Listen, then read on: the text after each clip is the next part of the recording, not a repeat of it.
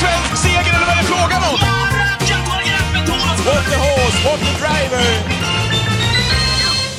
tror vi säger det lite för sällan ändå i den här travpodden. Ja, dels varmt välkomna såklart till alla lyssnare, men att den här podden görs utav Gambling Cabin. Var duktiga på det där i början. Det kanske har satt sig nu ute hos våra lyssnare, men värt att notera och poängtera. Så är det. Tydlig avsändare där i spelcommunityt. Spelcommunityt. Hur går det? Står att säga? Gambling Cabin. Ja. Ja, verkligen.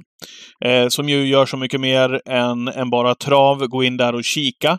Eh, när det gäller trav och spel så var det fina framgångar på spel och lekkontoret förra onsdagen. Vi kan backa till det datumet, David. Tre mm. syssar satt, signerade David Neves. Ja, eh, satt på restaurang, hade ju gjort grundjobbet men satt på restaurang och skulle lämna in systemen. Du vet, man ska kolla senaste nytt. Så fick jag faktiskt ett litet infall och spikade Husse Boko på två system och på det tredje spikade jag bara Argonas. Mm. Och det var ju tre olika system, tre unika system som fick sitta 90 lax per system och det var ju ändå trevligt. Det var ju andelar som kostade typ 200 spänn och gav nästan 4000. Så var det ju ett större system där med 1000 kronor andelen eftersom det var stor jackpot som också satt. Eh, gav ju ungefär fyra gånger pengarna så att eh, det var jättepositivt. Var kul! Vad var det för stackars sällskap som var med på restaurangen som, som fick följa dig och dina eh, nertitt i telefonen då? Eh, det var ett, Jag konfererade med ett gäng från Svenska Spel. Okej. Okay. vi skulle prata om eh, VM-magasinet som vi gör som ligger på Expressen. Frånvarande var det då? Det kan man säga. Det var, jag var inte det bästa sällskapet utan de, de, jag, jag kom, beställde förrätt och sen så när jag kom tillbaks i princip då stod en cappuccino på min plats. Ja. Det var lite så. Ja. Så, att, ja, så är det ibland. Men det var kul. Eh, halvbra form där. Eh, söndag, onsdag och sen nära i lördags igen. Eller nära men ja. Mm. Men vi kan ju komma dit sen kanske. Ja, precis. Hade du någonting från V86 där du tyckte rent, rent sportsligt var kul att se Husse Boko? Där måste jag ändå säga att han, han visar ju en enorm kyla, Gustav Johansson. Nu hade han ju bästa eh, hästen. Han är ju hyllad eh, på många håll och kanter, Gustav Johansson, med all rätt också. Men mm. eh, sicken härlig talang. Eh, snacka om att ta tillvara på varenda meter med Husse Boko och veta, veta vad han hade i linorna och även vad han, vad han körde emot. Det var, det var en snygg styrning därifrån verkligen snygg styrning och när man läste intervjuerna och kollade på Husses rad så var det väl lite sisådär. Han hade haft någon sjukdomsperiod och så vidare. Men sen så gick det fram. Eh, Matteus intervjuade Gustav Johansson som eh, var klart optimistisk och med de tongångarna så var det ju ingenting han mötte. Eh, det är väldigt lätt att prata om, om lopp i efterhand liksom. Men, men nu tog jag det beslutet innan nu så det blev ju rätt den här gången. Det var många som tog beslutet att spika Aragorn As mm, till exempel du på ett av systemen. Precis. Jag betalade också för... på alla faktiskt. Alla. Ja, på alla. Det var ju stor, ja. stor favorit och, och sådär. Och jag, tänk, jag tänkte så här att det, det, fanns ändå i leken att han skulle få jobba utvändigt med det mm, absolut. Så jag, så jag betalade ju för den och tänkte att det kommer krävas en låg 11-tiden då från ja. Nu gick han 10-9 på ett ruggigt sätt. Ja, nej men så är det. Och eh, det var väl ingen eh, superspik till 73 procent med de förutsättningarna. Det kändes lite sådär på vägen. Du vet, han har inte startat på ett tag och det är final om två veckor och allt det där. Men eh, nej, det var inga konstigheter eller finaler inte alls. Jo, det visste jag. Han vann ju på, på Färjestad där. Mm. Precis. Så att eh, ja, han är bra. Eh, han har utvecklats väldigt mycket i år och Nurmos på Valla är en annan nivå. Mm -hmm. Till exempel Excuses Moa som också vann för eh, Magnus A. Djuse. En, en treåring där som sprintade runt där på 12 blankt över full väg. Vilken ja, han eh, travar ju Ja, travar ju inte. Tänk dig om den hästen börjar trava ja, så vidare. Går men, ju... men vilken härlig utstrålning han ändå har. Nej, men verkligen. Verkligen. Um, och det var ju ingen nyhet men att i det travet bara bomba runt på det sättet. Det var imponerande. Får, får jag fråga hur du löste Guro Mogset och Pave Tore? Där, uh, har du björnkoll på Pave Tore? Pav, Pave Tore, ja, det loppet hade jag faktiskt dålig, dålig koll på. uh, så, så, ska jag faktiskt berätta. Jag, uh, jag frågar lite Jesus på spelvärde. Vi brukar byta idéer ibland och så frågar jag bara om hans rank i kallblodsloppet. Nu hade jag vet många, man hade den högt upp ju så den var ingen svår pavetore. Nej. Och vilken var det mer du frågade om? Nej, det var den, det var den jag frågade om. Ja, uh, ja. Nej, så var det ju. Men du brukar ju inte ha björnkoll på kallbloden så jag tänkte bara hur du löste Nej men alltså, det, det, och, och, lämna in så för att skaffa mig koll bara att det är så otroligt tungrot att plugga kallblodslopp. Uh, jag hade mycket att göra förra Ja, och de norska, liksom de här hästarna också som man inte ser varje dag. Jag hade lämnat det loppet och så vet jag att han hade pluggat det på spelvärde liksom. Så han hade ju samma rank på spelvärde som han gav mig så det var ju Mm. tacksamt liksom. Mm. Men det var bara det loppet jag behövde hjälp med så. Och så fick du smällen i sista där också i, i Hunting Widow, så det var ju skönt. Mm, tacksamt. Hade många i sista och ja, eh, det var ju tacksamt för mig då när Southwind Boko hoppade direkt. Och sen hade man ju många, men den var ju väldigt bra, uh, Hunting Widow. Nu har det gått några lopp sen dess, men visst vann den från dödens på ett bra sätt va? Mm, så kanske det var. Mm. Zoomade ut där på slutet när jag inte var med. Så att Nej, det är Mm, lätt hänt så jag så. V75 i lördags då, David, där hade vi till att börja med, eh, vi säger det här i podden också, stort tack till alla som är med på våran Twitch. Det var rekordtittning på Twitch. Mm. Eh, kanske efter min utlovade vinnare förra, förra veckan i, i podden, som ju föll ganska så platt faktiskt. Så är det med trav. Eh, Du hade en idé. Eh, Du säger ju inte det varje vecka att du är enormt påställd på en häst. Nu var du det och folk var intresserade av att höra vilken. Mm.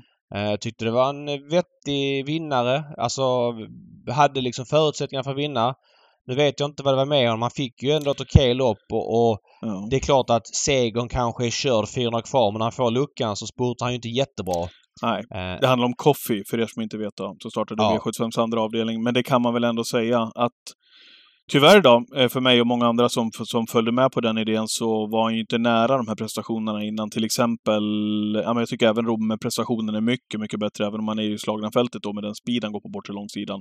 Prestationen innan när Claes Sjöström körde jämnt, tufft tempo, han har krafter kvar över linjen mot, ja men rätt vettiga hästar, eh, var ju mil bättre än prestationen i lördag. Så att det är väl lätt att gissa att någonting inte var 100% med Coffee, men Ja, så är det ibland. det var ju det man... Det enda jag var lite orolig för det var ju de här täta starterna. Jag startat liksom den, den 27 eh, september. Sen var det liksom 10 oktober, 21 oktober, 29 oktober och nu då. Mm. Eh, känslan var att det kunde vara... Det är så ibland när mindre tränare startar på liksom. De har inte samma feeling som större tränare huruvida liksom en häst pallar en start till eller inte. Nu säger jag inte att det var anledningen men jag tycker att det genom eh, genom åren har varit en halvröd tråd liksom. Ja. Det var ju, Att- det var ju Coffee som pajade på vårt stream, streamsystem där Ja. också i Twitchen, tyvärr. Det är faktiskt, jag gillar det systemet vi gör. Det spikar vi Koffi och eh, Magantoma och får då 6 rätt. Jag menar, vinner Koffi, nu är jag inte nära att vinna i här fallet, men han är spelar på 16% Den som vinner Ballerina Indica spelar på Lika mycket. 14 Men här vill vi ge oss själv chansen att vinna miljonpengar liksom med den lappen. Mm. Så att det var ändå bra ställningstagande. Nu var det dåligt utfall den här gången. Eh, för övrigt, poddgästen Jörgen S. Eriksson vann med Ballerina Indica. Han var ju tvåa med den i lopp två. Vad hette den nu? Lukas... Solkattens Lukas va? Eh, ja, precis. Eh, Ja, han var tvåa med Nos. Eh, Det var ju hans bästa chans. Den näst bästa chansen sa han ju här. Det var ju Ballerina Indica. Hon vann ju på ett bra sätt. Mm. Funkar väldigt bra med det där open eye-huvudlaget när hon såg motståndarna. Hon bet ifrån på ett helt annat sätt än tidigare. Ja. Ja, men eh, så var det. Så kan du ju vid tillfälle gå in och titta på hans E3-finalist också när du har, när du har eh, tid och möjlighet som han startar på söndag. Vi kan återkomma till Breeders-finalerna här alldeles strax. Eh, jaha, lördagens tävlingar i övrigt då. Var det, ja, Phoenix Foto vann. De hävdar sig ju förbannat bra, de här eh, duktiga silverdivisionshästarna. Vi har den här. Vi har eh, eh, Unico Broline. Unico Broline, precis. Till exempel de Mm. som har liksom mötts och stångats i silverdivisionen många gånger och så kommer de upp i guld. Har vi sett att det kan funka bra.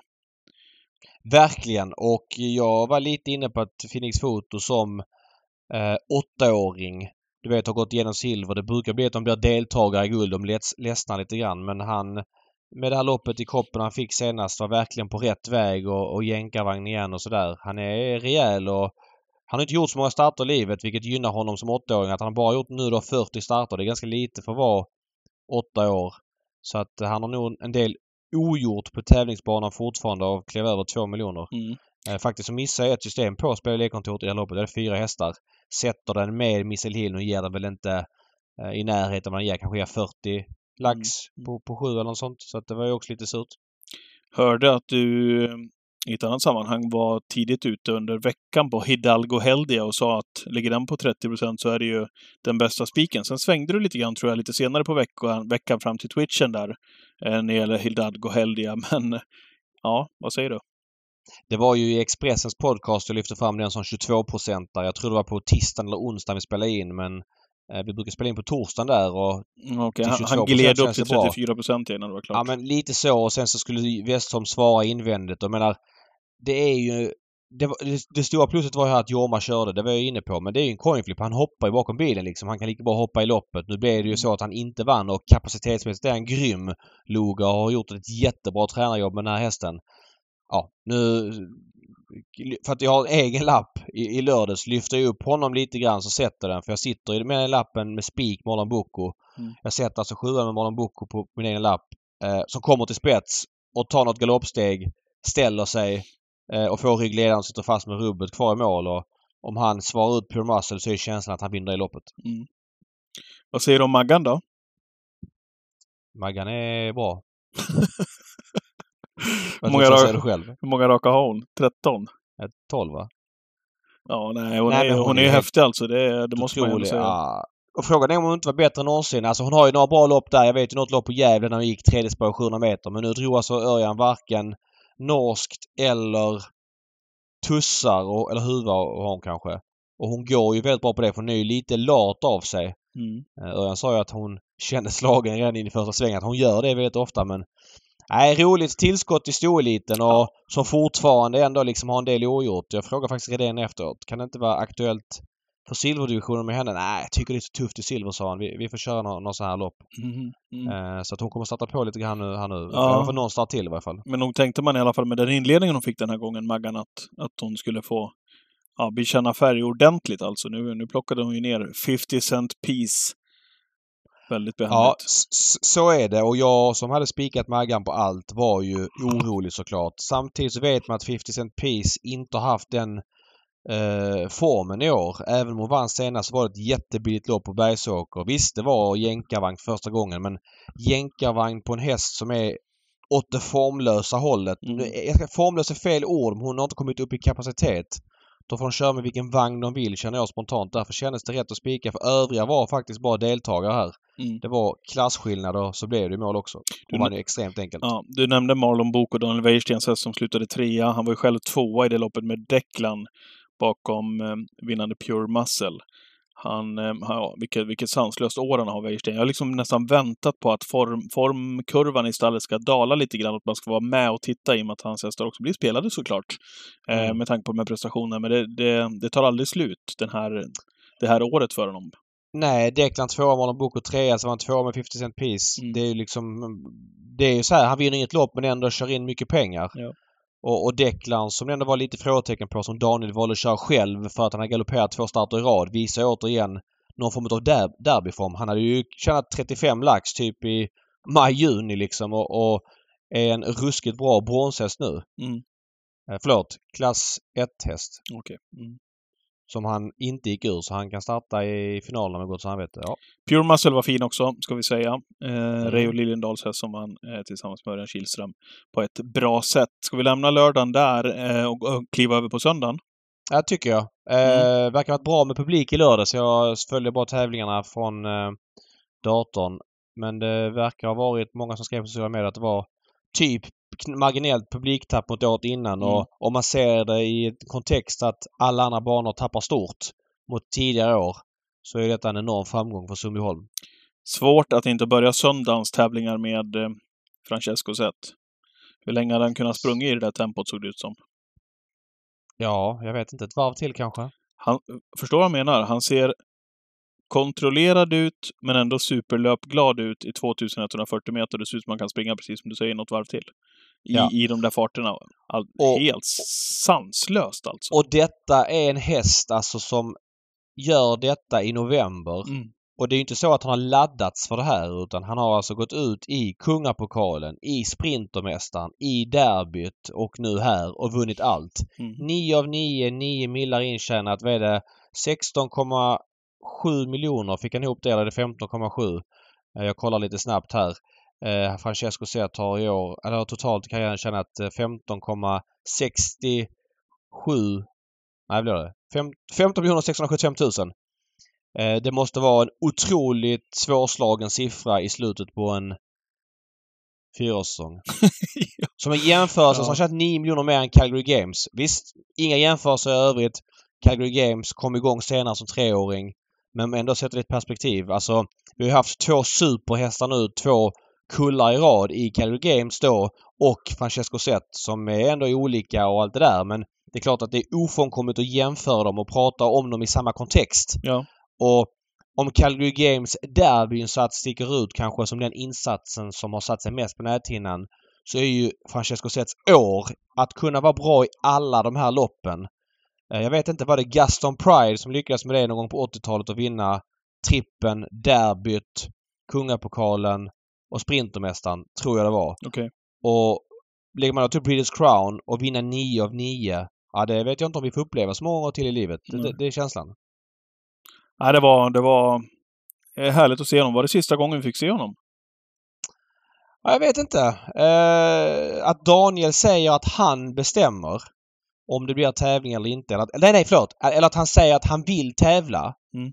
Det är ett tecken på att han inte tävlar vidare, tror jag. För att det är ju Daniel som bestämmer och om han vill fortsätta tävla, varför säger han då att han vill fortsätta tävla? Det är klart att han vill fortsätta tävla men det finns ju andra saker i en annan vågskål Mm. som är jättemycket pengar.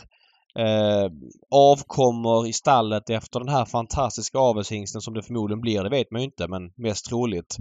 Och, och träna upp dem, det är ju säkert någonting som lockar väldigt mycket och ekonomisk trygghet för stallet även om det är ett stall som har kört in 45 miljoner i år och där kanske ekonomin inte är det största problemet så är det ändå liksom en möjliggör någon form av satsning så att Mm. ja, det är, det är en klurig fråga. Vad säger du? Ja. Nej, det vore ju, det vore ju så otroligt trist alltså. Det, så är det ju för oss som älskar att se dem på tävlingsbanan. Men det där pratade vi om i Calgary Games också. Vi vill ju se honom i, i några år till, även om vi fattar såklart om man, om man väljer det andra alternativet också såklart. Men, men det är klart man vill se honom fortsätta tävla, för det här är ju det är därför vi håller på. Det är därför vi har eh, folk som vill eh, eh hålla på med det här. Eh, dels eh, aktiva, eller dels som spelare, eller dels som eh, ja, vad det nu kan vara för någonting, så är det, ju, är det ju tävlingsbanan du vill se de här individerna på.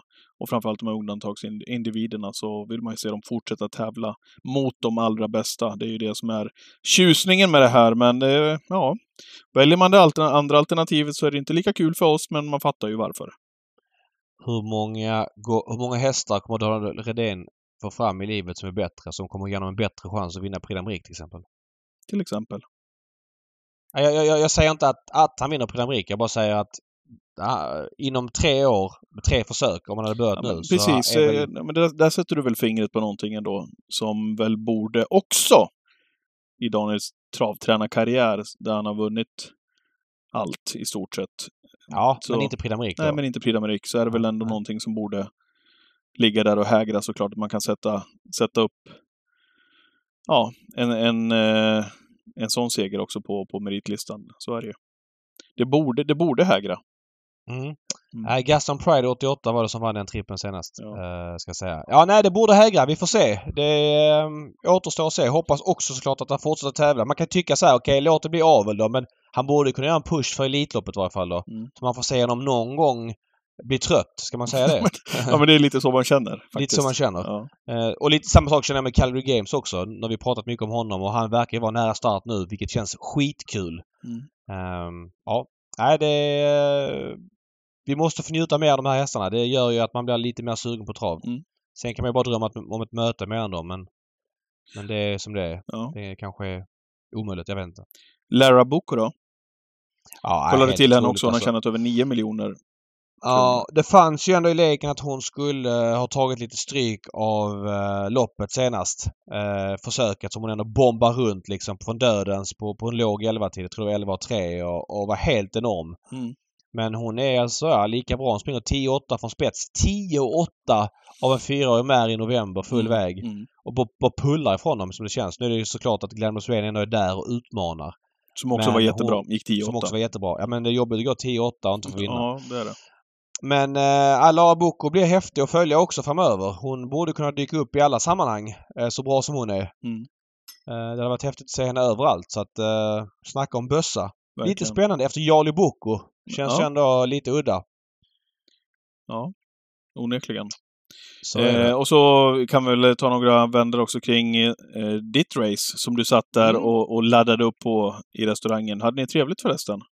Eh, Ja men vi hade trevligt. Jag kan återkomma om upplevelsen Ja. på Sundbyholm efter det här. Men vi hade ju Bengan till start och eh, Som pajade upplevelsen. Nej, det ska jag inte säga. Dels vill jag säga det först och främst. Jag trodde ju en del på Denzel Brodde. Jag sa det i förra veckans podd. Mm. Att jag tyckte att, att han fick stryk av honom på Valla var inga konstigheter. Och, uh, ja, Denzel Brodde var verkligen ett Ja, speldrag. Snacka om utveckling där ändå. Eh, men lyfts så är det, lyfts så är sig det. flera snäpp ju. Ja men så är det. Och eh, ja men Bengan, jag vet inte. Alltså det finns inte så mycket att säga. Det är bara att konstatera att eh, han går alltså 12 och 9 full väg. Eh, då går han först i tredje spåret varv. Jag, jag tror inte att han är bättre än så. Eh, men, men, men det är ju Nej, precis. bra Jag vet inte om det är någon i det där loppet som klarar av det. det eller, Nej. eller vet inte. Det är, det är ingen i det där loppet som klarar av det. Nej, det är ju en väldigt jämn kull. Mm. Och, och positionerna blir ju utslagsgivande. Jag menar, jag kände redan när Bengan fick andra ut att det här kommer aldrig gå. Mhm. Eh, Jag, tänkte, jag tänkte att nu är du nöjd. Nej, jag var extremt missnöjd var jag. Okej, du, du tänkte att nu... Just för att han får Hade gå vi haft först tur också. då. så hade Ja. vi Jag snackade med Örjan efter att Örjan laddar ju och har King Kennedy lika snabb bredvid sig så han tog upp lite grann. För att han fattar att han mest troligt inte kommer ner. Men sen så kommer Björn utifrån. Ja, jag tänkte det. Hade han, inte, hade Ja. han kunnat komma före Following då? Som hittade Ja, men rygg? han hade, hade Örjan laddat på och kört vidare så han hade kommit före following och fått hans position. Mm. Men det är ju lätt, det är helt omöjligt att veta då med tanke på hur snabb ut King Kennedy var. Mm. Så att eh, det säger jag ingenting om. Och eh, det är sånt som händer liksom. Och kanske att han är någon meter sämre än tidigare, det vet man inte. Men Örjan slutar köra och sådär. Ja. Och jag är supernöjda med säsongen. Ja, Eh, såklart. det, det, är, det är rätt intressant bara sådär. Man jämför med Pure Muscle som vann dagen innan. Han var på 13 blankt. Eh, gick i ledningen. Och kändes liksom bra. Och Bengan kändes ja, men li, lite dålig kanske är fel ord men det är lätt att sätta honom i det facket med tanke på att han ändå var andrahandare och inte fick pengar. Ja, han men, går 12 och men, men, 9 men, David, inget ont om Declan, Marlon Book och Plockepinn och Reshevsky. Han möter lite andra hästar Bengan också. Så är det. Eh, och eh, jag bara sätter det i perspektiv liksom. Pure Muscle tror jag är en väldigt bra treåring. För att sätta det i ett sammanhang. Är han liksom. lika bra som Hustle Rain? Nej det är han inte. Din derbyvinnare. nej, nej det är han inte. Nej. Så att eh, vi, vi gör årsbokslut med Bengan och kommer igen till nästa år. Vi är Ja. jättetacksamma och ett fantastiskt år och hoppat eh, långt över ribban. Ja, verkligen. Ha, vill du... Queen, Queen Belina måste vi nämna också. Ja, såklart. Mm. Mm. Det var din Oaks-vinnare som Ja, fick det var det ju revansch nu. faktiskt. Apropå på Ja. derbyvinnare där så var det ju var det min spik och min vinnare inför Oaks. Eh, Men eh, hon fick vinna nu istället, ja. Mm. Eh, Ja, vad tyckte du om henne? Jag tyckte att hon var väldigt bra. Det blev lite tempo på grejerna och ja, hon gick ändå och Mm. repade först i tredje och vann på ett bra sätt. Eh, Har du, har du ATG framför dig när vi sitter och pratar? Nej. Nej. Men jag kan ta, ta upp det. Vad vill du veta? Nej, jag tänkte, nej, jag vill inte veta någonting. Jag vill, eller, jag jo, jag vill veta vad du tyckte om Lilian Yang. Eh, jag måste nog se om det i så fall. Ja, vad jag tänkte säga om du skulle se sista hundra meterna av, eh, av loppet. Ja, men jag tar upp det då medan vi snackar så ska jag spola fram. Mm. Nu är ju, di, dimman gör ju att upplevelsen av att se travlopp inte var lika... Ja, just det. Den hade ni att brottas med, ja. Ja, då var blir- sitter hon? I hålet lite- eller? Vad sa du? I hålet eller? Eh, ja, det Ja, blev ju strul ja, det gör för det. hela Ja. vägen, Ja, faktiskt. etta, tvåa, Det blir, etta, först, hon blir typ först utanför. Tre, fyra, fem, sex. Ja, tråkigt. Rubbet kvar. Kanske blir någon så här E3-revanschen för Stoner och sådär som hon ser ut över mål. Alltså, hon, precis. Hon klättrade över dem alltså. Ja. Jag måste säga det, hon hade ruggig oflyt med, med loppet. Det blev fel hela vägen. Nu, nu, nu fanns ju det i kartan ifrån innerspåret som vi, som vi var inne på förra veckan, men ja, ibland stämmer det ju lite bättre också, men hon ser, hon ser jättefin ut, Lilian Yang alltså. Det var en, Verkligen, det var en verkligen. fin slant som försvann för henne. Ja, eh, att, tråkigt när det blir så men Mm. Jörgen är nog ändå ganska nöjd gissar jag. Precis först utan, utanför pengarna. Det är surt när det ändå är 80 lax för en premiechansad sexa. Så är det. Ja, att, ja. eh, hur var upplevelsen då i Eskilstuna? Ja, men Sundbyholm. Eh, jag har ju varit en del på Sundbyholm oftast i samband med sommaren och då är det ju nice att vara ute och sådär. Och vi har pratat väldigt mycket gott om Sundbyholm som bana. Eh, framförallt då för att personalen runt Sundbyholm med Stefan Eriksson i spetsen är väldigt duktiga på att skapa event runt det som händer på banan och man känner verkligen att de anstränger sig på ett sätt som många andra banor inte gör. Det är små detaljer de har tänkt på som gör att man liksom känner att det är någon som har tänkt till här. Eh, och och Toto-luckorna var öppna, bara en sån sak. Ja. Eh, jag var givetvis där och röjde lite grann eftersom jag visste att de skulle vara öppna. Tog med lite cash. Ehm, fick, fick Alltså, du, gör du det bara för att visa dig i luckan? Nej, jag tycker, det, jag, jag tycker det är kul med totoluckor. Jag har alltid tyckt det är kul. Jag lämnar inte in V7 och sånt där men sen när det börjar närma sig dagens dubbel och sånt så brukar jag alltid lämna in, har jag alltid lämnat in sånt i luckan. Det skulle se för liksom. jävligt ut om du inte besökte luckorna ju. Ja. Jag pratar om luckan som en generell grej men det var kö till luckorna. Det var en lucka öppen där i restaurangen där jag var så att eh, och det, det var väl några hundra pers i restaurangen så det var ingen stormning men det var kö varje gång jag gick dit. Det var fyra, fem, sex man före varje gång. Så man fick gå i, i god tid. Nu gick jag bara två gånger men men eh, nej, det var ju ändå festligt och det är ju säkert en bidragande orsak marginellt kanske men som gör att Sundbyholm inte tappar lika mycket publik som eh, övriga banor. Sen måste jag säga att tyvärr för Sundbyholms del eh, är dels dimman då som gör det begränsad upplevelse. Sen har de ju inte de bästa förutsättningarna sett till hur eh, lokalen ser ut. Hela den här restauranglokalen är ju väldigt eftersatt. Toaletterna känns ju som att de inte är renoverade sedan 1972. Men välkommen till Trav Sverige 2022 David. Eh, när du är utanför Solvalla och Nej, utanför så är det. 70-skyltarna så, så ser Ja. det ut sådär tyvärr. På Så många ställen. Så är det. Eh, så att eh, det var ju såklart... eh, ja men det är ett litet minus och... och det, det, är hela, det är så intressant för när man är van vid Solvalla, Kongressenhuset är ju byggt på å- å- 84 tror jag det är byggt, klart 85. Där har man ändå anpassat så att man inte har så stora bjälkdelar där du tittar ut över panoramafönstren. Men när man byggde banor på 60-70-talet så gissar jag att det snittet, alltså det är som pelare som blir i vägen liksom Mm. där panoramafönstren sitter fast. Och så var det på Jägersro. Det upptäckte jag när jag var där, jag har inte varit där på länge, att en sån pelare på horisonten låg liksom mitt i banan så jag fick inte ducka eller gå upp för att se. Och här är det samma sak på Sundbyholm. De är ju rätt kraftfulla de där delarna som hör... Jag tänkte säga så, det var väl så det byggdes då. Ja, så byggdes det då och Mm. det är ju en grej som gör att upplevelsen blir sämre på plats. Sen var det lite svagt ljud och sådär men det fixade de faktiskt under tävlingsdagen. Men eh, man, man känner att de anstränger sig och det ska Sundbyholm ha ett stort plus för. Var det att sladda runt på någon Breedersfest också? Eh, nej, det var inte utan eh, vi åkte dit söndag. Vi åkte tidigt söndag, Pigg kom fräsch. till Skärholmen. Bilen hade gått sönder, fick vända tillbaks till Stockholm. Eh, ja, och allt vad det innebär. Det var rätt, det var rätt kallt. Jävla mycket strul ofta när du är ute och åker tycker jag. Ja, Dålig, dålig fick planering in- ofta. Siris mamma fick köra oss eh, dit då så vi, vi kom ju lagom till att V7 började. Så man missar ju ändå de här mysiga timmarna på backen innan. Mm. Men det är sånt som händer. Jaha, veckans gäst då? Ja, eh, kanske en av de mest profilerade i travsverige som vi inte har som gäst. Stefan Persson.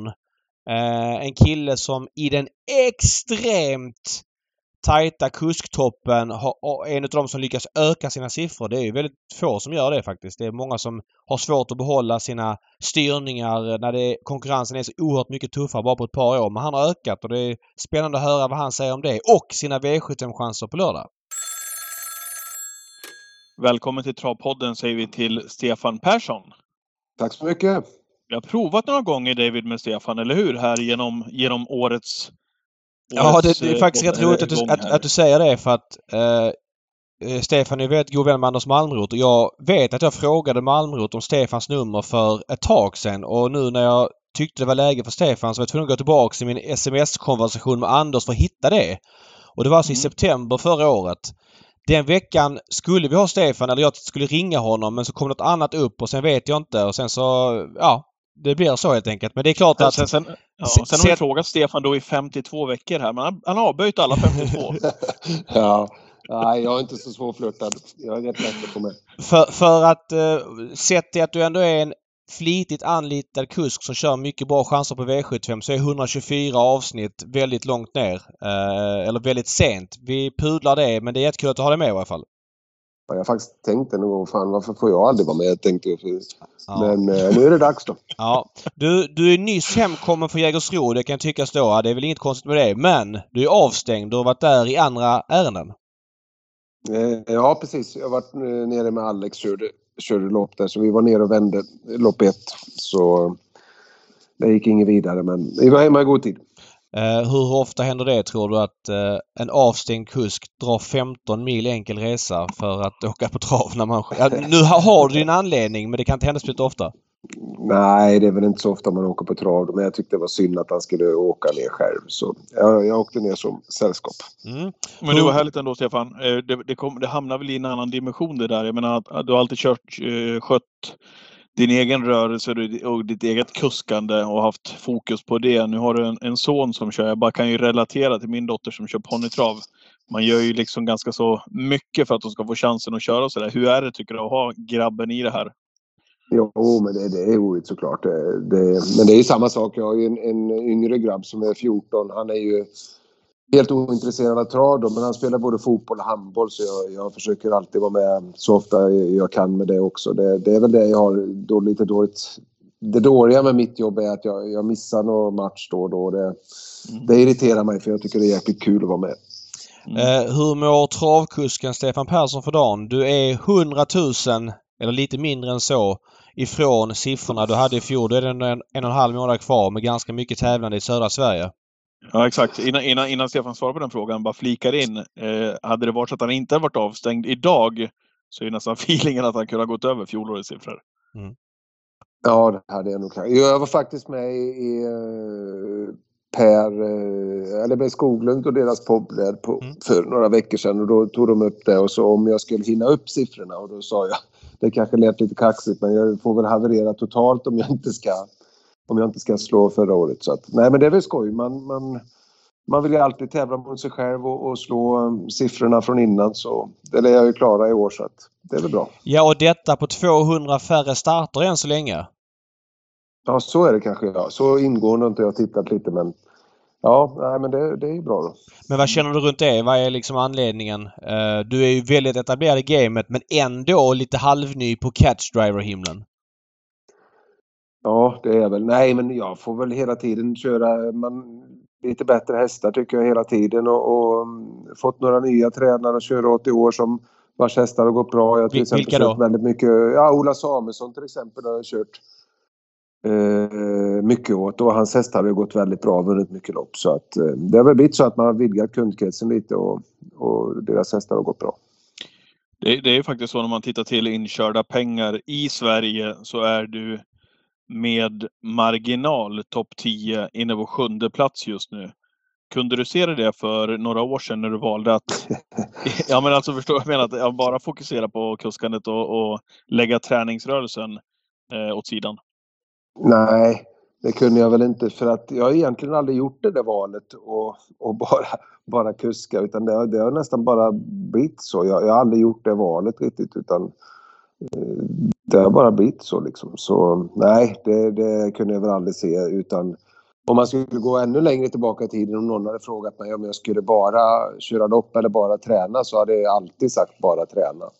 Mm. Eh, för jag har alltid tyckt att det, det, har varit min grej och kanske det jag har varit bäst på egentligen. Men eh, ja, nu har det blivit så här. Ibland, ibland blir det inte riktigt som man har tänkt. Varför blev det så då, tror du? Trott. Ja, varför det blev så var väl ganska uppenbart. Det, det var ju, för jag drev en rörelse då med ungefär 50-55 hästar hade vi väl som mest. Och det gick väl egentligen ganska bra eh, för de som tittar utom på det. Och nu när jag tittar efteråt på siffrorna och sådär vad vi hade för hästar så gick det väl ganska bra. Men, men det är väl ingen hemlighet att jag hade rätt stora problem med med att ta motgångar och, och mådde bitvis otroligt dåligt när mina hästar presterade dåligt. Och Eh, jag skämdes helt enkelt när de gick dåligt. Jag tyckte ja, det var hemskt att visa upp dem i dåligt skick på banan och sånt. Jag mådde så jävla dåligt så att eh, till sist så gick det så långt att jag, jag, jag pallade inte med det riktigt. Så jag sa till Linda, min fru, att vi får, vi får bryta här och ta en paus nu och hitta på något annat ett tag. Oj, det har jag aldrig haft en bild av att, eh, att det var så. Är det någonting du gått ut med eller har du liksom legat halvlåg med det? Nej, men det har jag nog aldrig gjort någon hemlighet av att, att jag har haft eh, jobbigt och så med motgångar och sånt. Det har jag nog aldrig gjort någon hemlighet av. Sen, sen blev det precis i den vevan när, när jag liksom hade en liten eh, tung period så eh, Jerry Jordan letade efter ett stall i Halmstad och var i. Och då sa jag till honom bara att du kan köpa mitt till salu. Då trodde han att jag skojade först men så sa jag till honom efter ett par dagar att eh, jag är allvarlig, vill du, vill du köpa stallet kan du göra det. Och då gjorde han det och så så började jag jobba hos Hanna Läderkorpi då, som egentligen som hästskötare. Jag hade åtta hästar som jag skötte och tränade själv. Och så jobbade jag med dem. Men eh, ja, då, då blev jag mer och mer uppsatt i loppen och till sist så, så, blev det så mycket löpkörning så jag kände att jag kunde inte göra något bra jobb med hennes hästar om jag skulle köra så mycket lopp. Så då mm. ja, tänkte jag testa att köra lite lopp då. Men, Men Stefan, hur, hur, hur kunde det te sig alltså när du, när du mådde som sämst, som du tyckte själv då att hästarna inte presterade och så vidare gentemot hästägare och så vidare. Hur, hur tog det sig? Ja, det, var inte, det var nog inte, hästägarna märkte nog inte av det så mycket utan det var ju mer familj och så som fick, eh, som fick lida för det. Man, man var allmänt eh, grinig och på dåligt humör och uppförde sig, eller jag uppförde mig rent dåligt hemma ibland, kom hem och jag märkte ju på mina barn ibland att de, de liksom, ah, eh, kan du prata nu typ? Att när det hade gått ett tag då, de, de visste ju mycket väl hur, hur jag var. Mm. Och eh, ja, så ska det inte behöva vara såklart. Så att, så att eh, ja, så, så blev det.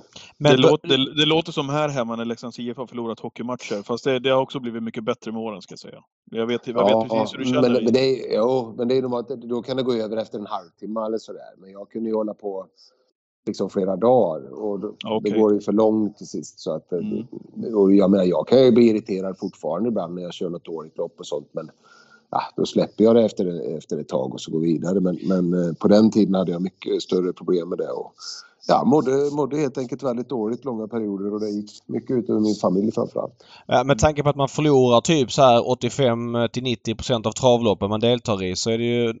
Man borde ju lära sig rätt tidigt att det kan gå ganska dåligt i den här branschen. Jo, jo så är det ju. Så är det. Men, men eh, jag har väl alltid haft all, väldigt höga krav på mig i allt jag vill göra bra ifrån mig. Och, och på något sätt så känns det som, um, har man en hästägare då som kanske har köpt hästar på auktion för som jag har valt ut och sånt och så blir de inte bra och så. Jag, jag tog det hårt. Jag tyckte jag skulle prestera bra med precis alla hästar som var i stallet. Och det är ju omöjligt, det vet ju alla som håller på med trav. Men ja, jag, jag, jag var dålig på det helt enkelt. Så.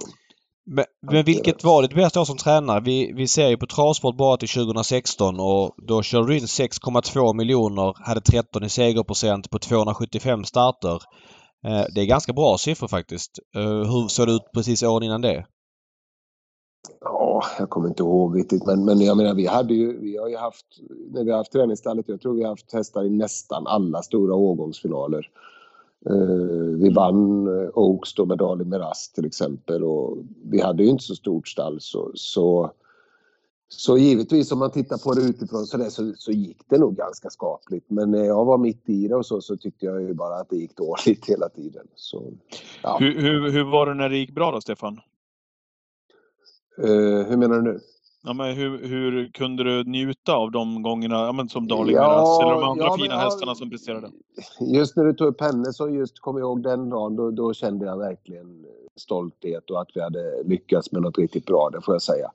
Och Darling hade ju en skötare med som heter Ann-Sofie Johansson. Hon, hon är lika gammal som mig, också 73 och hon har verkligen slitit med det hela sitt liv och att, att hon hade fått vara med om det här också och få en häst, sköta en häst som vann ett stort lopp, det betyder också väldigt mycket för mig. Och, Ja, då, just den dagen minns jag att då, då, då mådde jag riktigt bra. Då tyckte jag vi, vi hade gjort något riktigt bra. Det, det kommer jag ihåg. Eh, varför är det lättare att hantera förluster som catchdriver än som tränare? Ja, det, det, för det första så kör jag ju så otroligt mycket mer lopp nu så, än vad jag gjorde då. Så, så jag är med så mycket mer. Eh, sen tyckte jag väl på något sätt de hästarna jag hade i stallet där jag jobbade med dem hela dagen och liksom det var min, det var hela tiden, det var jag som skulle se till att de presterade. Om jag kör en häst nu och tycker jag kör ett vettigt lopp och hästen ändå inte går bra så känner jag väl lite att jag har gjort vad jag har kunnat men, Mm men det räckte inte. Sen blir jag ju fortfarande jävligt irriterad om jag kör bort mig vilket, vilket tyvärr händer ibland ju. Men, men eh, ja, jag har blivit lite bättre på, på att försöka släppa det och gå vidare. Och nu har jag nästan alltid en full tävlingsdag efter igen och, och ska jag hålla på och grubbla för mycket så förstör jag den också. Utan, ja, jag, jag har väl utvecklats lite också och blivit bättre på att ta motgångar och, och fattat att ska jag kunna prestera bra loppet efter kan jag inte hålla på och grubbla på det loppet. utan får släppa det och gå vidare. Mm, och sen kanske man inte är lika emotionellt investerad i hästarna. Nej, man bara nej kör så, så, är, nej, så är det ju. Så är det ju på något sätt ändå. Det blir lite annorlunda när du umgås med hästarna varje dag och tränar dem och, och på det viset. Nu har du ju lyckats väldigt bra som vi sa här med siffrorna som kusk. Finns det i leken att du skulle kunna ta upp tränarkarriären igen? Nej, inte i den storleken. Vi har ju, min fru tränar ju sex hästar som, som eh, jag hjälper till med också. Så igår igår var det måndag va? Till Mm, exempel. ja. Då körde vi fort med, med alla hästarna tillsammans hela dagen och sådär. Så att, så att jag får min dos av det också. Jag, för dagen tycker jag det känns väldigt lagom. Men du, har- du har två hästar på din lista såg jag också. Ja precis, det är två som är, det är ju rent lite pappers men de står ihop alla sex hästarna och, Ja, och, och tränas ihop. Men, men eh, Karins hästar står på min lista. Eh, och bland de sex hästarna finns ju derbytrean Eddie Bear. Ja. Eh, det får du berätta lite om den resan. Det var ju ändå en bedrift Ja, det- att få in en häst så pass sent som eh, gör sig gällande i ett stort årgångslopp. Mm, det var jag inte glad sist han startade kan jag tala. Nej, det, och, och, då- då vi, vi, vi, vi, då- kan då komma till det då- strax. Då fick jag ett litet återfall. Ja. Eh, ja, eh, jo men nej men han har gjort det jätte... Det är otroligt vilken fin säsong han har haft och han eh, visar väl redan som treåring att han hade jäkla fin kapacitet och men var ju otroligt valpig och, och liksom brukar inte riktigt allvar och sen men vi väntar ju med alla eh, rycktussar och stängda huvudlag och, och skoik och sånt för han var inte mogen som treåring men sen när man börjar ta lite växlar som fyraåring nu och stängde in han lite och tog tussarna så, så börjar han ju tävla på riktigt och har ju haft en jättefin säsong. ja, det får man ju lugnt säga. Vadå? Det måste ju varit långt över vad ni förväntar er. Ja, inte långt. Jag förväntar mig mycket av honom men, men eh, ja, jag, jag var väl inte helt främmande för att han skulle kunna ta en derbyplats faktiskt. Det, det, det trodde jag faktiskt för det kändes att det fanns så mycket i honom. Men, det är klart, det har verkligen fram till senast så har i stort sett allt klaffat 100% hela säsongen. Mm. Eh, och senast då? Eh, Adrian satt i dödens med, vad det Achilles face va? Ja, det, det var Breeders Crown Det var Briskansk. Ja, den stora, det, egentligen det vi förlorade loppet riktigt var vid starten för han höll på att galoppera två gånger precis när starten gick. Så vi kom ju iväg så jäkla dåligt och sen gick det jättesakta. Det var väl typ det enda semifinalen som gick otroligt sakta. Mm. Och jag såg ju att, att Adrian var det, jag, jag förstod att det fanns i leken att han skulle svara. Men samtidigt satt jag så långt bak så skulle jag sitta kvar så, så skulle jag vara chanslös i alla fall. Så, så därför tänkte jag att om jag tar lite sats och kommer med lite fart så, så, så kanske han släpper mig om jag kommer så pass tidigt. Men det gjorde han ju inte och då, då var ju dagen över. Eh, vad tänker du med Bear nu? Nu är han ju uppe i gulddivisionen och fyller snart fem. Ja, först och främst har vi nog tänkt att starta i det här fyraårsloppet på Sovalla nästa fredag. Vad heter det? Sovalla Grand Prix. Ja, precis. Okej. Ja. Eh, valde väl mellan att gå ut i Johan Jakobsson eller det loppet då. Eh, men valde det. Ja. Så det, det är väl närmaste målet. Det blir nog sista starten i år. Och sen, sen får vi träna på lite och förbereda till nästa år. Men vad tänker ni spontant? Gulddivisionen och, och se hur långt det räcker eller vad, vad har ni någon tanke där? Ah, gulddivisionen kommer han väl inte starta i på ett tag utan vi får väl leta lite femårslopp först nästa år. Och eh, det blir väl ofta en liten mellansäsong för många efter fyraårssäsong. Men Vi får försöka matcha så klokt som möjligt och, och ändå köra in så mycket pengar som möjligt. Det har väl blivit lite bättre ändå tycker jag. Lite mer kanske utskrivna femårslopp och så. så Ja, men, men är inte det där, är det där intressant? För att utskrivna femårslopp, det behövs ju uppenbarligen. Men när de väl finns så är de så o, ojämna. Ofta få hästar, ofta ihåligt. Det är liksom... Det är några bra och sen så är det två chanslösa. Sen är det inte fler. Nej, det är möjligt. Det är, men men eh, jag får leta de loppen och hoppas att jag tillhör de som är bra då. Ja, sen finns det ju också eh, lopp som är stängda vid 2,5 miljoner och liknande och, och sådär. Så det ska inte vara helt... Ja, så, så är det ju lite grann. Det, det viktigaste är väl att vi har en bra häst att tävla med. Jag tror att han kommer duga i gulddivisionen också framöver för han har, han har många bitar kvar att utveckla. Han är fortfarande inte speciellt snabb från start till exempel och kanske inte har den rätta speeden men, men det är mycket lättare att utveckla än, än styrkan tycker jag. Fattar. En annan sak jag tänkte fråga. ehm, det var ju här för ett år sedan eller något år sedan, två kanske, jag vet inte, tiden går fort. Det kom upp att ett par catchdrivers skulle behöva ta uppsittningsavgift på 500 kronor och... eh, ja men du fick ju Men, klä... men, var det inte då vi försökte få tag i... Få tag Nej det var det inte. Nej det var det inte. Men, men du fick ju Nej, klä lite skott för det och vara lite ansiktet utåt för er kuskar som skulle göra det. Hur upplevde du den perioden? Ja, men, ja klä skott för det. Jag, jag vet inte, egentligen blev det ju konstigt alltihopa för att det var jag som ihop med min, eller hon Anna heter hon på LRF som skötte mina papper så frågade jag lite hur det gick och så sa hon "Ja, bara så du vet det så tjänar du inga pengar sa hon till mig. Nej. Ja, vad fan, jag är iväg jämt tyckte jag. Men ja, men det, hon visade mig det blir inget över. Nej, då får vi göra något, så. Så då, då bestämde jag mig för det. Och så gick jag ut med det. Och sen, sen var det ju några kuskar som sa till mig att vad fan, det där har jag också funderat länge på för att, men, för att det, det går inte. Men, men jag har aldrig vågat typ eller så. Men, men, men jag sa, ni, Sen blev det mycket snack om att vi hade kommit överens och sånt där och det, det stämde ju inte riktigt. För att jag, jag sa som det var att jag kommer göra detta och sen får vi se om jag har några kunder kvar. Har jag inte det så får jag göra någonting annat. Jag kan ju både sko och träna hästar och så. Då får jag göra det istället då. Men, men ska jag hålla på och vara borta var och varannan kväll nästan sex dagar i veckan så, så måste jag tjäna lite pengar annars så, så är det inte värt det för mig. Och sen var det väl flera som, som hakade på det i samma veva och tänkte lite att nu, nu hänger jag på dem. Vilket gjorde det lättare för dig också såklart? Ja, fast ja, möjligt men det spelar ingen jag, jag kör mot väldigt många här som, som, som inte tar en uppsittsavgift på, på proffshästar som, som var grejen som det gällde då. Så att eh, jag har inte märkt någon, någon skillnad alls faktiskt överhuvudtaget för egen del. Att, att mitt kundunderlag har förändrats eller Jo, det, det, har jag. Det är, någon, det är någon som har sagt uttryckligen att de inte vill använda mig för jag tog upp sin safe på, på proffshästar. Men, men eh, vem då? Ja, det, Får man det, fråga det eller är det någon som ligger lågt? Eh, ja, men det, det är faktiskt en tränare som, som jag kör en del. Jag vill inte nämna vem Nej. Men eh, en tränare som jag, som jag kör rätt så mycket åt. Så sa han att ja, jag har bara en som, som du inte får köra åt. Och så sa han, men det var som jag sa, det är ju några andra kuskar som som tar uppsittning som kör åt den ägaren. Ja, men han sa att det, det, var, det var du som startade. Okej, okay, ja, ja. så, okay. så, ja. Men, eh, ja, men det får man ju ta och det, det fanns ju med i leken också som sagt. Och, och jag, jag menar 100% allvar med det att hade jag inte fått några kunder mer så, så hade jag eh, gjort någonting annat. Ja, men, och där var ju du tydlig. Det var ju en av få som var det, Stefan, då, och det sa vi här i podden att du sa ju att om det är så att det är ingen som vill ha mig då när jag tar de här, är det 500 kronor du tar eller? Nej, 350. 350? Mm. Ja, du ser. Eh, 350 kronor eh, så kan jag lika gärna vara och jobba med någonting annat. Då kan jag lika gärna stanna hemma. Du, du var ju väldigt tydlig med tydlig jo, med det så att säga när du gick ut? Jo, också. men jag fyller 50 år nästa år så jag menar ska jag vara borta som jag sa då. Jag snittar nog 5-6 kvällar i veckan. Jag körde över nästan 11 000 mil med bilen förra året.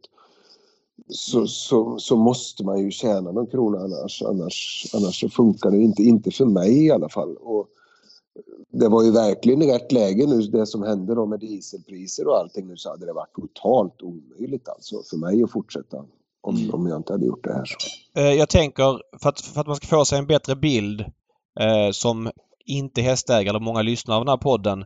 Eh, vilka intäkter man har som catchdriver eller hade tidigare. Det var alltså 5% på inkört, eh, 200 kronor plus 10% på amatörtränade hästar. Och sen så kan väl viss, vet jag vissa catchdrivers har kört fort åt någon tränare någon gång i veckan. Man har väl någon spons på dressen. Är det något mer? Ja. Nej. Det är väl inget mer. Någon skor kanske? Ja, jo, jo, man, det är väl olika hur, hur man, hur man liksom drygar ut inkomsten. Man, man får väl försöka hitta eh, de vägarna man kan så att säga. Så jag, för min del så kör jag ju väldigt mycket A-hästar. Jag, jag ligger nog i alla fall på minst 80 A-hästar tror jag. Okej.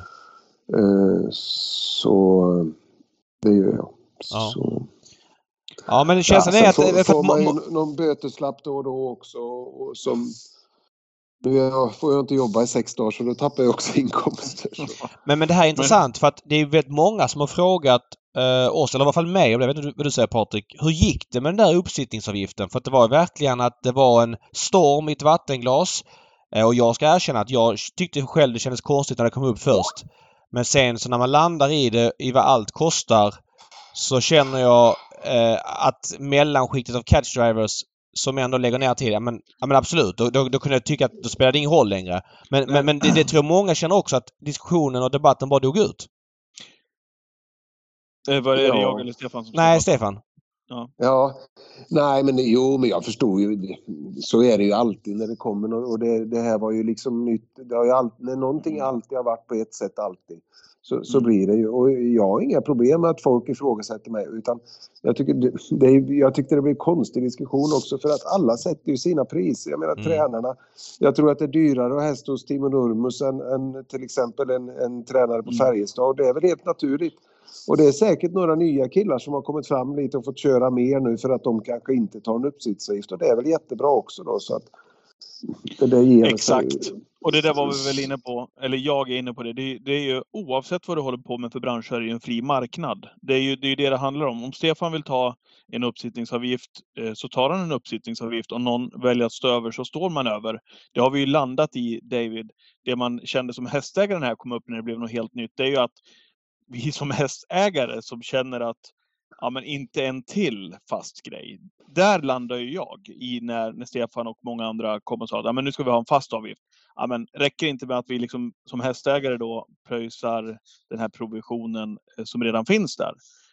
Eh, och det, och det, jag menar, du får ju, man, det där kan man ju se på flera olika sätt. Eh, jag förstår ju Stefan 100 procent. Jag förstår hästägare, det jag själv är också, eh, som ser att det blir ytterligare för att använda de bra kuskarna ska betala ytterligare mer pengar. Så är det ju. Mm. Ja, det Ja, jag, det, jag, jag, jag har varit hästägare själv i, i 25 år så jag vet att det är, att det är jättedyrt att ha hästar. Så att, det vet jag men, men, men som sagt, som, som jag sa då att, att det här var vad jag var tvungen att göra och hade det inte funkat för mig så hade jag gjort något annat. Och, Mm. Så det, det, är, ju- det är ju som du var inne på, det är ju fri företagsamhet. Alla, alla får ju prissätta sina tjänster och sen är det ju upp eh, till kunder att se om det finns någon marknad för det helt enkelt. Eh, och en grej som är spin-off lite grann på det här, det kanske inte är kopplat till uppsittningsavgiften, men jag upplever att det också var en liten brytpunkt för eh, hierarkin inom catchdriver-eliten. Alltså det känns otroligt tufft där uppe nu.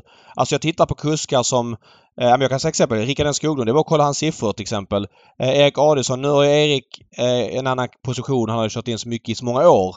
Men, men det, Jeppsson har blivit pappa i år har också kört mindre. Men där är ju duktiga kuskar de här alla tre som kör avsevärt mycket mindre. Nu säger inte jag att det är kopplat till uppsittningsavgiften. Men det känns som att den eh, när den grejen kom så blev det tajtare i toppen. Det kanske hänger ihop med andra saker också att många kuskar kom underifrån. Jag vet inte, vad, vad säger du om det? Ja, så är det. Konkurrensen har hårdnat. Sen kanske en del eh, tränare använder sina lärlingar eller, eller några andra, lite inom situationstecken mindre kuskar som kanske är lite knutna till stallet i- istället för att ta in en lånekusk då, och sådär. Så mm, några tappar lite och ja, så, så är det ju. Och sen gäller det ju att, och leverera som kusk då om du ska bolla jobbet helt enkelt. Och då menar jag inte bara att leverera att du ska köra bra lopp utan Ja, inget gnäll om någon ber dig att du ska värma och så vidare utan att du ja, sköter den biten. Jag har ju hört lite snack ibland om att, ja, att det är gnäll om man ska värma och lite sånt där. Just det. Jag, jag, jag försöker alltid att ställa upp och i den mån man kan. Sen, sen är det klart, då måste man också ha förståelse för att en kusk som kör åtta lopp en tävlingsdag Mm. Ska du, då, ska du då värma mellan lopp två och tre till exempel och du kör bara lopp två, du kör både lopp två och tre, då hinner du två varv. Mm. Mer, mer hinner du inte. Det där är Så- intressant Stefan. Det där är väldigt intressant. Har du blivit mer angelägen om att till exempel eh, hjälpa till, värma och så vidare sen du tog den här, eller har du jag, haft samma jag, inställning jag, jag, jag hoppas verkligen ingen har uppfattat att jag har haft några problem med värma hästar någon gång. För det, det, har- det har jag aldrig haft. Men, men däremot får jag förklara ibland att jag hinner två, jag, jag värmer jättegärna men jag hinner två varv. Så det har varit jättebra om du joggar hästen lite grann innan jag tar den. Mm. Mm. Och ja, ibland är det ju en del som har, jag har ingen hjälm med mig och jag har inte det och jag kommer inte upp i vagnen. Och vad det är. Nej, nej, det är möjligt men, men jag kan inte trolla. Så jag, jag, hinner, jag, jag hinner bara köra två varv. Så om det är vad du tycker att din häst ska värma så, så kör vi de två varven. Men, men mer hinner jag inte. För du har ju också ett ansvar mot den du ska köra mot loppet efter sen. Att du Ja. inte kommer jättesent till den. Den kanske har värmt sin häst själv, förberett den jättebra.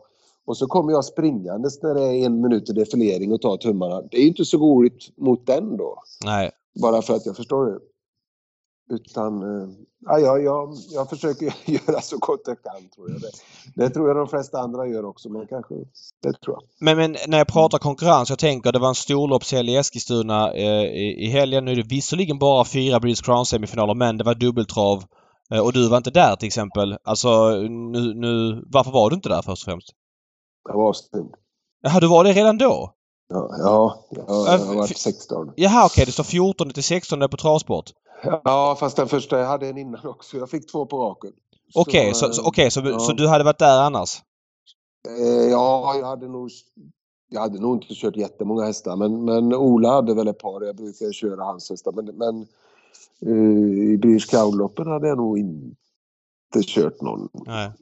vad jag vet. Men eh, jag hade nog haft några gamlopp, det hade jag haft. Fattar. Ah, ja, men det säger mycket om hur tufft, hur tufft det är i varje fall. Ja, men det, det är det ju. Jag ser ju ibland... Ja, man ser ju etablerade kuskar som åker för att köra både, bara ett par, tre hästar någonstans ju för att det måste man också för att ibland så, ja, man får ta det bara för att sen annars så kör någon annan så kör den nästa gång och så det. Så. Ja, vi, vi får ligga i, vi som vill köra travlopp får ligga i och köra det vi, det vi får köra. Alla, alla ut, ju- utom Örjan. Örjan kör onsdag, lördag. Ja, men han är ju en annan, han Ja. är ju en annan, ja. Ja, ja, ja, nej, jag håller med. Men, Han, han, kör, han kör Bengan. Ja, bland annat. Då har man Ja, råd att köra ja. onsdag, lördag. Ja, exakt. Han kör onsdag, lördag och Bengan. Ja. Eh, det hände någonting, eh, Stefan, mellan 2019 och 2020 där när du körde 472 lopp. Eh, och så växlade du upp då och eh, körde över 1000 lopp då för första gången 2020. Var det också då siffrorna blev markant förbättrade såklart. Nästan 15 miljoner inkört. Så du och jag sa David i en Twitch-sändning för x antal veckor sedan eller månader sedan att Stefan sedan en tid tillbaka har blivit en faktor i, i loppen. Hur tycker du själv att du har utvecklats som kusk i och med det här eh, ökade eh, tävlandet på, som kusk?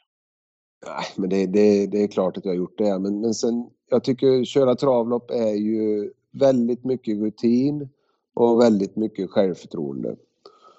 Eh, att, att du kör mycket, att du är med regelbundet och att du har självförtroende och att man, när man kör åt kunder kan och tränare som, som man känner att man har förtroende för, att man, att man kan göra ett misstag, att man inte petas till nästa gång utan att man, man, man, man har råd med det. Då, då, Mm. då känner jag i alla fall att jag kör bättre och att, att, att det, allting funkar bättre. Mm. Ja, det är rimligt. Eh, ska vi gå in lite på eh, starter till helgen? Ja, gör det. Ja, jag tänkte bara, den här podden släpps ju onsdag förmiddag. Eh, du kör en del på Åby på torsdag. Är det någon häst där som du tycker sticker ut på någon vänster? Jag har inte kollat eller pluggat. Jag ville bara ge dig en option. Nej, nej, nej, det tror jag inte. Platschanser. Ja. Ja, vi går över till lördag då. Eh, det är ju V75 på Jägersro. Vad tycker du om Jägersro? Ja, jag gillar Jägersro. Det är ju nära att åka också så att... Jo, men jag gillar Jägersro. Varför är det lättare att vinna från spets? Ja, det är ju fan frågan. Men, men, men det är det. Ja, men, Men- hjälp oss med den. Ja, nej, jag har inget riktigt bra svar på det mer än att banan är ju ofta snabb ju. Så, så mm, det är det ju. Men, men det är det ofta på andra ställen också. Nej, jag har inget riktigt bra svar på det där. Men, men visst, sjön är det lättare alltså. Ja. Men eh, jag har inte knäckt den koden riktigt. Nej. Eh, vi fokuserar på V75-hästarna. Eh, Mm. Och du har kört ett par hästar tidigare som är ganska tongivande. Vi kan börja faktiskt i V71. Du körde ju favoriten där, Long Gone River. För två starter sen på Kalmar. Ni vann med på 13 och 2 full väg i voltstart. Vad säger du om den hästen? Ja, det, det blir ju så när man kör så, så pass mycket hästar som jag gör så ibland så ramlar man på någon sån där som man känner oh, jävlar, det här var lite extra alltså. Ja. Och, och det var ju en sån häst, absolut. Eh, otroligt fin häst som, som eh, ja, den, den kan nog gå hur långt som helst kändes som. Ja. Otroligt fin häst. Eh, Du voltade ju på sista volten med honom då i Kalmar och det kanske är svårt för dig att generalisera men upplevde du någon form av stök på honom i volten? Att det fanns något, något Nej. tveksamt? Nej. Nej, jag skulle bli mycket förvånad. Han hade två va nu eller? Ja exakt. Mm. Ja. Ja, eh, nej, jag skulle bli mycket förvånad om han hoppar från start. Det kändes väldigt klok och förnuftig häst. Ja. Nej, spännande eftersom han då var favorit kändes det intressant att vidröra honom. Du kör i V72 nummer 12 Affish. Som du du kört... inte fråga om, du inte fråga om Full of Muscles då? Han kör ju den. Ja förlåt. Förlåt, förlåt, förlåt, förlåt, förlåt. Jag ber om ursäkt. Mm. Jag, jag, Ja. Anledningen att jag missade var att på travsport står inte det som rikstotolopp så att det gick bort i mina ögon när jag snabbt kollade. Full Master körde V71. Vad tror du där? Mm, han, ja, men nej, det är en gedigen häst, men han får jättesvårt. Om till exempel Longo River går felfritt och fungerar så, så får han jättesvårt att ta 20 på den. Det, det är nog en bra slant som gäller i första hand. Mm. Du har inte kört honom på ett bra tag heller så att det kanske är Nej, jag har inte att kört honom ett tag men det är, det är en jättetrevlig häst på alla sätt och vis. Men, men som sagt, eh, det, är på vassa treåringar det. Och, Mm. ja, det blir svårt att ta 20 där. Eh, 12 med Fish i V72. Eh, Så fin ut när han vann senast. Det kanske var ett billigt lopp men ja, fin. Ja, ja, det var ett billigt lopp, men han var verkligen fin. Han, han kändes 100 procent. Han var riktigt fin. Så eh, ja, han är bortlottad nu, så det krävs ju det krävs ju att det händer något exceptionellt. Och dessutom så tyckte jag det var ett, blev ett onödigt hårt klass. Jag tänkte att det skulle bli lite billigare när det var Volt och Jägers och sådär, lite bit att åka. Men jag tycker det var väldigt bra hästar med. Mm. Du, ändå... må- Ja, precis. nej, du fortsätter. Du körde ju den här Global Duby senast eh, på Mantorp Mm. som du vann med. Ja, den var jäkligt fin. Det var också ett billigt lopp ska sägas och de hade kört lite första varvet så han svepte dem på en långsida. Men, men han kändes väldigt stark och fin. Mm. Ja, Han, han har gjort det väldigt bra, eh, Fish här, som har, sedan han kom till, till dig och, och, Ja, och Lind, men Linda ju. Han har ju alltid visat bra, väldigt bra kapacitet och det känns lite... Han har haft lite problem och rullat över i pass och sådär mitt i loppen ett tag. Men jag vet inte om... Jag, jag tror att han, att han har haft ont i sina fötter men, men eh, han får Okej. väl göra ett par starter till och fungera bra innan, innan man ropar hej. Men, men eh, det känns som att vi har kommit lite rätt på det med. Okej, min, min, min vän, med en nära vän, Peter Henriksson, är med och delägare så jag får ju höra att det är en kanon det här. Så att nu är det upp, Ja, ja. är upp till bevis. Ja. Ja, det är många. Glenn Strömberg är med på ett hörn på den där också. Oj. Och, eh, Lite, ja, jajamän. Så, ja, det är, några, det är en, en brokig samling. Ja, det får man säga. Det får man verkligen säga. Ja. Ja, vi Ehm. håller tummarna. Ja, Ja. i V753 då kanske en av elithästarna som du förknippas mest med. Four Guys Dream. Eh, fråga Mm. nummer ett. Varför har han inte startat på ett bra tag inför senast? Eh, ja, det var ju meningen att han skulle starta lite tidigare men det, Håkan har väl haft en långsiktig plan med honom att tävla med honom i vinter för att han, han är en väldigt bra vinterhäst och han är ju snart i gulddivisionen nu och gulddivisionen brukar ju vara lite tunnare på vintern så att det, det har väl varit hans plan länge att, att han ska tävla i vinter och då vill han inte köra hela sommaren med honom och det, det är väl klokt tycker jag. Eh, för visst är det så att jag minns någon start på Mantorp förra året. var här Grand Slam 75. Stenhård vinterbana. Han bara flög fram. Ja, han, han springer på precis alla banor. Han vann väl också, vann han inte annandag julfinalerna?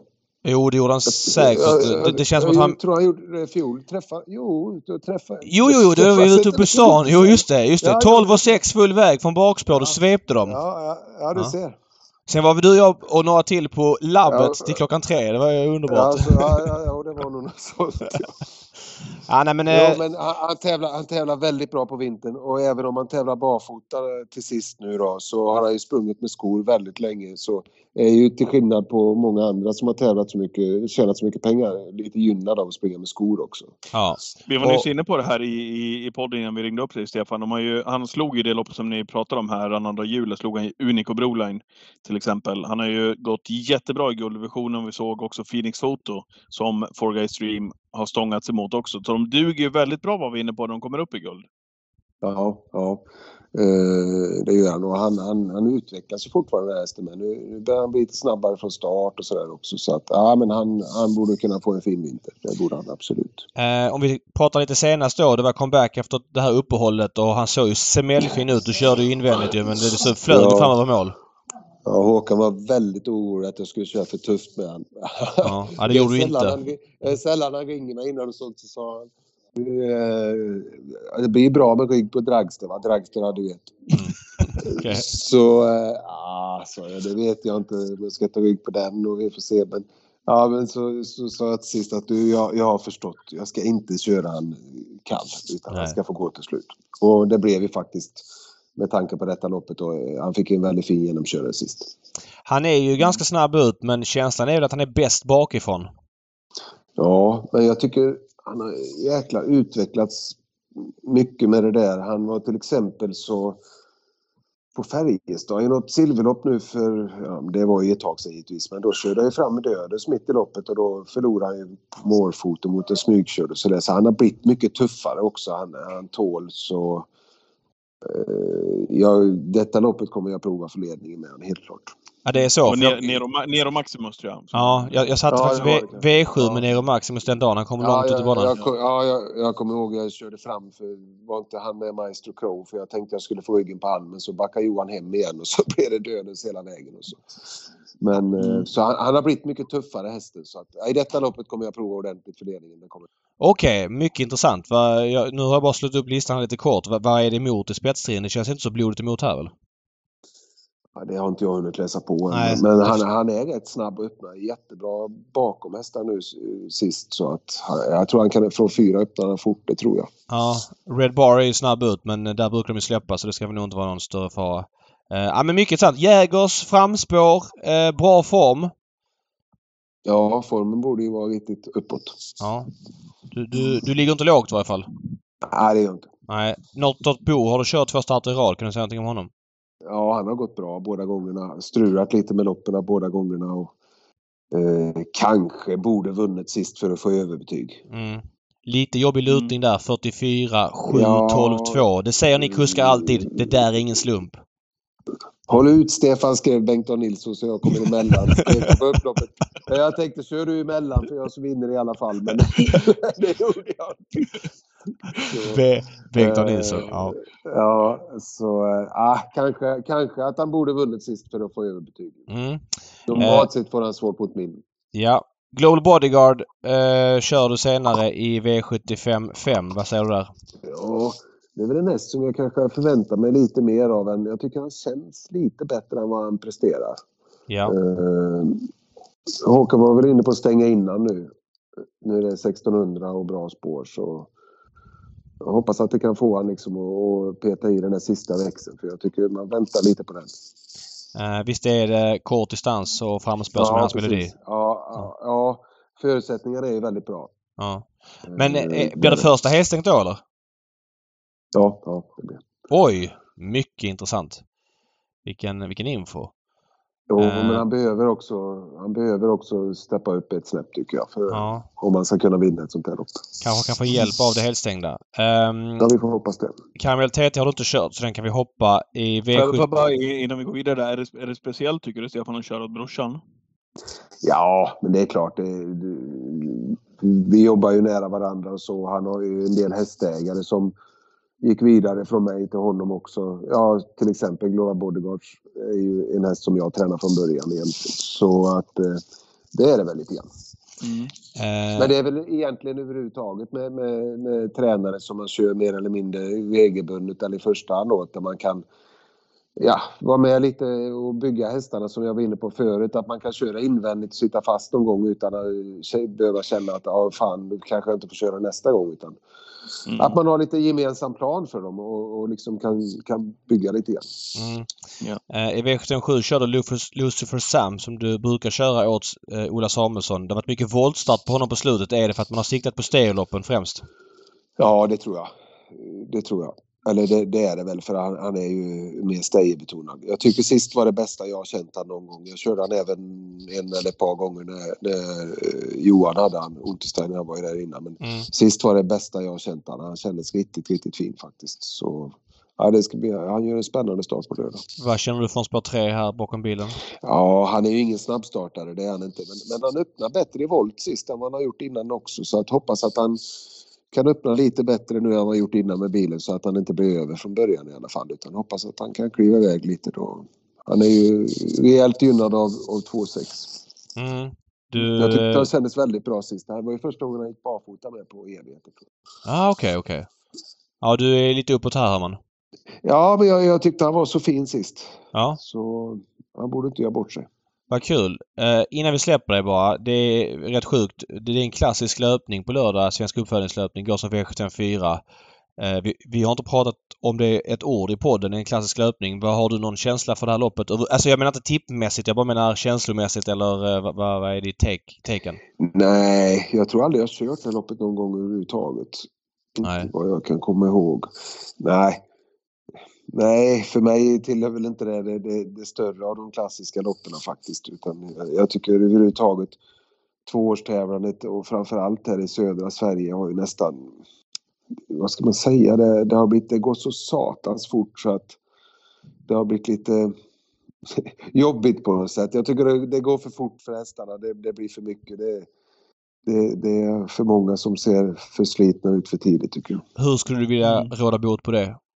Nej, det har jag ingen, det har jag ingen lösning på riktigt men man har ju redan tagit bort barfotakörning. Jag såg, jag är ju inne genom startlistorna förut, jag såg några som skulle gå med bike här och grejer. Man kanske...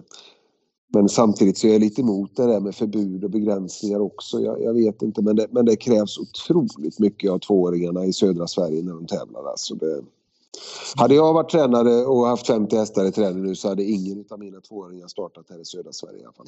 Okej, du hade tagit det aktiva beslutet även om de hade varit tidiga? Ja. Men... Jag eh, tycker, det, jag tycker det krävs så otroligt mycket. Jag var med, jag var med och körde någon tvååring i något tvåårslopp här på Jägers för ett tag sedan. Då, då smattrade de iväg 13,5 första fem i voltstart. Mm. Mm. Och jag menar, hur, hur ska jag kunna få, jag, jag som tränare hade jag aldrig kunnat få en häst att öppna på det viset för att då, jag vet inte hur, hur, hur man bär sig åt. Jag liksom, förstår jag menar då måste man ju jaga Ja. dem direkt från början. Och det är emot mina, alltså jag, jag tycker ah, jag vet inte. Men, jag, eh, jag, jag tycker det går så satans fort här nere alltså. En följdfråga på det. Vi hade Jörgen S. Eriksson här förra veckan och han hade Lilians Young i eh, British Crown-finalen för tre ston och han sa att jag kör barfota för att de andra kör barfota men jag hade gärna sluppit det. Du är lite inne på samma sak känns det som. Du, du säger att du inte är emot förbud men tror du att ett barfotaförbud för treåringar skulle vara bra? Ja, det tror jag. Ja. Jag hade inte varit emot det. Jag hade lite samma sak när jag drev träningsrörelse då och, och körde mina hästar i låga klasser ibland. Då var det ju inte Peter och Johan popstall på det viset som de nu utan då hade ju Peter eget stall och Peter märkte jag ibland, han hade så mycket hästar så han, ah, han kunde lika gärna ta skorna då i tredje starten på någon. Mm. Ja, och då, då, då var jag chanslös med mina som Mm. kom ut med fyra järnskor. Det var lite frustrerande ibland för då, ja, klart att mina ägare tittar ju på, jaha, hade varit vi så mycket sämre häst? Och då skulle jag förklara det. Mm. Ja. Men vi hade fast bomull och järnskor. Peter sticker barfota med huvudryckare. Så. Mm. så, så är det. Så jag förstår eh, vad, han- vad han pratar om. Att då, till sist då får man göra likadant, annars hänger man ju inte med. Och det blir lite... ja, jag, för min del så hade de gärna fått ha skorna på sig till, till fyra års. Tror du att Mm. det kortar karriärerna för treåringarna med barfota? Ja. Det tror jag också. Ja men svinbra Stefan! Eh, Det Ja, känns... verkligen. En kortis bara. Eh, jag skulle leta efter det i ett lopp här. Jag hittade inte. Du har bytt dress va? Sponsorbyte där eller vad var det? Ja, det var så jävla tragiskt att jag har haft samma sponsor i 13 år tror jag det. Och Ja. han dog helt plötsligt här, 56 år gammal. Okej. Eh, jag hade aldrig bytt annars. Men, och då blev det lite halvkaotiskt här och så de som tog över företaget är inget travintresserade alls så då bestämde vi att bryta då. Så, så, så, så blev det. Så, eh, så därför har jag ny sponsor och eh, i och med att jag tyckte hans logga och så stämde så dåligt överens med vinrött och svart så därför fick jag ändra lite färgen också. Så. Vad har du för färg nu? Jag har inte tänkt på det ens. Nu är jag svart och blå. Jaha, det känns som samma mer eller mindre. Ja, jag är svart och vinröd innan. Ja, nej, det var lite karaktäristiskt faktiskt. Och det var ju lika med brorsan Håkan K. Han kör ju inte så mycket längre. men Han var ju i sin vinröda dress ju. Den vill man ju... Den ville man Ja, ju jag, ha på banan. jag har aldrig haft någon annan. Ja, jo, jag började ju också med helt vinröd men sen gick jag över på svart och vinröd. Men jag har alltid haft liksom typ svart och vinröd. Ja. Mm. Ja, ja, nu kör vi svart och blå. Det går bra det också. Mm. Ja men svinbra Stefan. Mycket intressant info och bra snack. Eh, lycka till verkligen. på lördag så bokar jag upp labbet till V75-finalerna på annandagen i år igen. För jag Ja. utgår från att Four Guys Dream dyker upp i Ja, hade, där. ja, det hade ju varit skoj. Man kunde komma tillbaka. Eller El- komma tillbaka igen. Eller kanske guldfinalen där för att eh, vinner han silver nu... Nej just det, han kommer inte med i finalen. Det, det här är nästa meeting ju. Ja, detta är till annan. Annandag. Det är perfekt ju! Där har vi den. Ja, Då, då, har, ja, då har ni ja. labbet igen ja. Är Ja, det vi bästa chansen förresten, eh, Fall Guys Stream för dig? Ja, ja, det är det. Ja. Absolut. Ja men jättebra Stefan. Hälsa familjen. Tack så mycket för att du var med så håller vi Det connection. ska jag göra. Ja. Tack för att jag fick vara med. ha Ja, det bra. tack. Ha det bra. Hej. Tja tja. Hej, hej.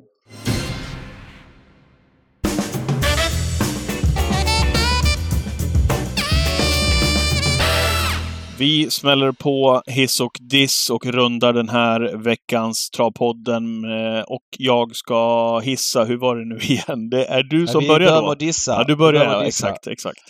Eh, ja, jag skulle dissa en uh, företeelse inom travet som jag inte förstår riktigt vad som hände. Uh, Bjerre Kronos startade i lördags på V75. Det var ju kul att han är tillbaks men nu galopperar han så vi fick inte se så mycket. Dock så tycker jag det är tveksamt om han ska gå ut och starta på V75 direkt. Den där sex veckors regeln som fanns förr, den var ganska bra att en häst hade behövt starta sista sex veckorna för att starta på V75 och då blev det ju aldrig problem och aldrig gissningslekar. Nu har den tagits bort sedan många år tillbaks och ofta tycker jag att det är ganska hanterbart ändå. Det är väldigt sällan det blir liksom struligt. Men, här upplevde jag som att det blev ett problem. Man, fick liksom tolka Svante Båth. Man hade ingenting att gå på. Det är en häst som i grunden är väldigt kapabel men som floppade i våras. Och liksom det fanns, jag hade ingen, ingen aning vad jag skulle förvänta mig. Så det blev liksom så här att örat fick lösa den avdelningen med, Mm. eller hur jag skulle ranka Vera Kronos. Utan Mm. vad Svante sa. Och jag tycker när man har ett sånt fint spel som V75 som omsätter så mycket pengar. Då måste man ändå kunna optimera det för spelarna. Landade Kan- du ändå inte in, eh, förlåt att jag avbryter, landade du Ja. ändå inte in vad gäller Verre Kronos att du, du trodde inte ett skit på honom? Lät som Nej, jag trodde twitchen inte alla skit på honom men, men till slut så var det, ju- gick ju snacket eh, om att han eventuellt komma, kunde komma till ledningen och det fanns ju i leken med tanke på att Brother Bill inte kunde hå- hålla upp från innan och klick- klickspets skulle komma till spets. Om inte han hoppas så finns det att han kommer till spets och då, då kan han vinna om Brother Bill blir fast liksom. Så han var ju inte helt chanslös men jag hade ingen feeling från honom till- som 19-procentare. Han, men kontentan är att jag vet inte om sex veckors regeln ska vara tio veckor i varje fall, någonting. Men ett halvår är ju väldigt svårt på en åttaårig Mm. hingst. Det kan ha hänt så mycket med honom i kroppen eh, och, och allting. Det finns ingenting Ja, att ja. gå på. Det blir och gissningslek nu ja. det blir gissnings, gissningslek för det här fina skicklighetsspelet vi har liksom. Jag tycker att man ska hitta någon form av lösning. Ja, kanske att vissa äldre hästar kanske ska vara 12 veckor på dem då. Om de vill årsdebutera Mm, mm. i guld på våren. Om de tycker att det finns få snabblopp eller det kanske var 15 veckor, jag vet inte. Ja. Och i lägre klass då 6 veckor eller 7 veckor. Men, men, men det här är inte optimalt. Det här känns inte bra och jag tycker att eh, det ska inte behöva vara så här. Det är bara att stoppa in att han hade fått gå ett snabblopp någonstans på landsorten tidigare och sen för att få starta på V75 så hade han fått gå ut med det loppet Mm. i kroppen även om det hade då blivit en galopp eller vad som helst. Just. Eh, inför den igen, please. En, en parentes som vi inte vidrörde. Eh, Ulf Olsson i det loppet bakom Phoenixfoten. Han sitter och punktmarkerar Brother Bill från start. Eh, väldigt snyggt gjort av, Ja, av Olsson. väldigt alltså en del av mig ville ha Brother Bill för det hade suttit smetat på några system så att Mm. du vet det finns alltid liksom om och men. Nu vann ju Phoenix Foto vilket ändå var bra för mig totalt sett för Ja. jag fick chansen men eh, eh, jag gillar när de tävlar när de gör sådär liksom. Eh, Jansson sen tog över punktmarkeringen. Det är klart att Ja. man ska ju inte punktmarkera på ett sätt så att man själv åker med i fallet liksom. Nej. Det är inte det det handlar Nej, om. men det handlar Men- om att att- att försöka sy, sy, sy in... Eh, Ja men svåraste syn värsta favoriten. Det Ja. ökar ju allas chans att vinna loppet, alla övriga. ja. Eh, sen gick han i mål med... Han hade ju, det här snackar vi ett varv kvar i kroppen men... Får väl Eh, Brother spara Bill, ja. krafterna till silverhästen om två veckor. Ja, finns, finns det någon här som ser mer formstark ut sista 200 det skulle vara- under hela helgen? Nej, det, det är tveksamt faktiskt. Han vill springa ifrån sig själv ser det ut som.